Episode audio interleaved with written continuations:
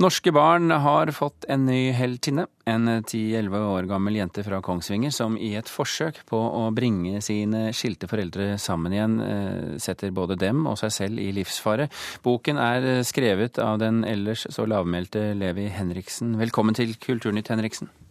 Tusen takk. Jeg kalte deg lavmælt, jeg kan du leve med det? Som forfatter, så. Som rockemusiker ikke. Ja, ok. Men siden vi snakker om bok, din nye roman 'Heltinne' er alt annet enn lavmælt, eh, og dessuten ikke særlig handlingslammet. Nei, absolutt ikke. Eh, I ettertid så har jeg jo sett at det er nok en viss likhet med Pippi Langstrømpe som jeg egentlig ikke så før jeg arbeidet med henne manus for andre gang. Så jeg liker å se på henne som en krysning mellom Pippi Langstrømpe, Tom Sawyer og også en liten touch eh, mesterdetektiven Blomkvist. Da begynner vi å nærme oss eh, Astrid Baros, som, som, som du ganske riktig sier er alt annet enn handlingslamme. Hun er eh, flink til å påvirke hva som skal skje. Og så spiller hun jo Pippi Langstrømpe tidlig i boken.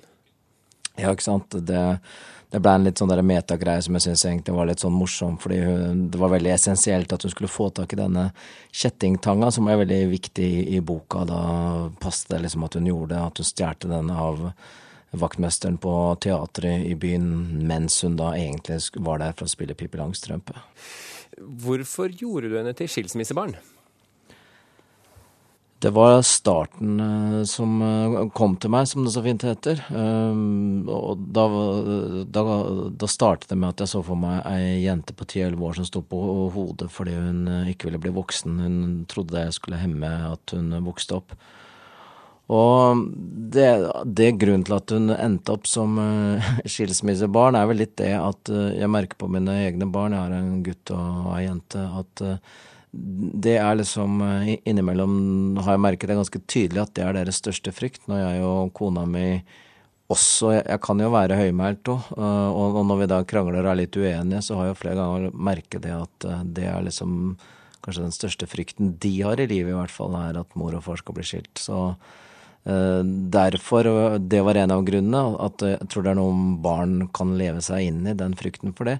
Samtidig som jeg da kanskje syns vel at uh, en og annen uh, et, et, og annet par kanskje burde prøve litt uh, bedre for barna sine. Men selvfølgelig, det er veldig mange som aldri skulle vært gift, og som barna får det mye bedre når mor og far går fra hverandre også. Men, men hvorfor ville du egentlig skrive en barnebok, da? Eller ungdomsbok, hva skal vi kalle det? Barne- og ungdomsbok er litt sånn usikker sjøl, faktisk. ja, okay. Uh, nei, si det. Uh, jo, det jo, det er jo, flere grunner. Uh, først og fremst så er det litt sånn æresgjeld til uh, dattera mi, Lea. Hun blir 13 år neste år. hun har mast meg i mange år om jeg ikke kunne skrive en barnebok, så det var egentlig siste sjansen nå før hun blei tenåring. Og så var det liksom at jeg har hatt den der åpningen veldig lenge og liksom gått og tenkt på den, og så plutselig så falt ting på plass. Jeg sleit veldig lenge med hvordan jeg skulle klare å få det ut til denne øde øya, som er veldig essensielt, og hva som skulle vente der og sånt noe. Så det var liksom flere ting som, som, som gjorde at historia satte seg, og til slutt så, så, så var den liksom så langt oppe i huet mitt, så da er det grunn egentlig bare å sette seg ned og forsøke å skrive det ut. Du eh, nevnte din datter Lea. På hvilken måte har hun vært med i prosessen her?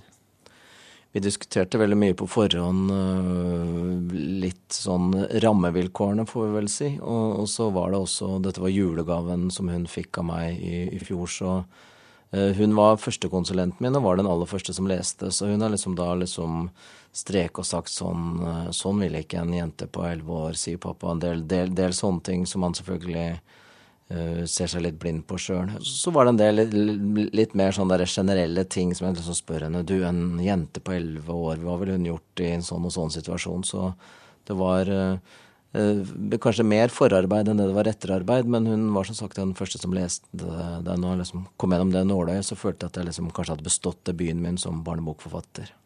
Hva syns hun, da? Eh, jeg syns hun brukte veldig lang tid, da, for jeg fikk den som sagt til julaften. Og jeg tenkte at liksom denne her har hun lest neste dag, for hun er egentlig veldig glad i å lese. da, Men så på julaften får du jo litt andre ting, så jeg liksom måtte konkurrere med, med andre ting. Så jeg fikk vel ikke noe svar for lille, lille nyttårsaften, og da kom jeg ned i stua. Der lå hun liksom under, under salongbordet, og jeg, jeg lovte henne å si at hun ikke grein. Vi kan vel si at hun var veldig opprørt, da, eller veldig Berørt, kanskje? Berørt, ja. ja. Jeg spurte hva, hva er det som har skjedd nå, så hun hadde liksom lest ferdig boka, altså 'Englene i djevelgapet', da. Og da forsto jeg at jeg hadde liksom klart å treffe henne likevel, da, så da ble jeg ganske lettet. Men det var litt sånn skummelt å bo og dele hus med en, en, en konsulent. Det var i grunnen det. Ja. Denne historien, Levi Henriksen, nå har jeg lest boken, jeg ser for meg at dette må jo bli film? Eh, ja, jeg syns, det, jeg syns i hvert fall det sjøl, og syns det er en, eh, en, en, historie jeg tror det ville være lett å fortelle på film. Og det er det tydeligvis også andre som gjør, for jeg har allerede hatt eh, tre forskjellige interessenter som er ute etter å få opsjon på boka, så jeg må telle litt på knappene for å se hvem jeg velger. og hvis alt går som det skal, så vil vel da for, forhåpentligvis Astrid Barås eh, dukke opp på den hvite duken etter hvert. Frister det å skrive flere barnebøker? Ja, det syns jeg absolutt. Samtidig er jeg da verdens dårligste forfatter eh, når det gjelder å liksom planlegge hva neste bok bør være, og om man skal følge opp den forrige boka og alt det der, så jeg tør vel ikke å love at den neste boka blir en barnebok, men eh, det virker som den har eh, berørt såpass mange mennesker allerede, så det frister jo litt å, å skrive en, en, en, til. Men eh, jeg er helt blank. Jeg har ikke et eneste lite stikkord i, i margen på notisblokka mi, så Men jeg kan gi deg et. Ja. Astrid Barås. jeg blir alltid sånn spent på veldig mange av disse hovedpersonene mine, hvordan, hvordan det går med de videre. Særlig når folk spør, så ikke se, skal slett ikke se bort fra at hun kanskje kan dukke opp eh, litt seinere også. Vi får se hvordan det vikler seg ut. Eh, Levi Henriksen, tusen hjertelig takk for at du kunne være med oss fra studio i Kongsvinger her i Kulturnytt.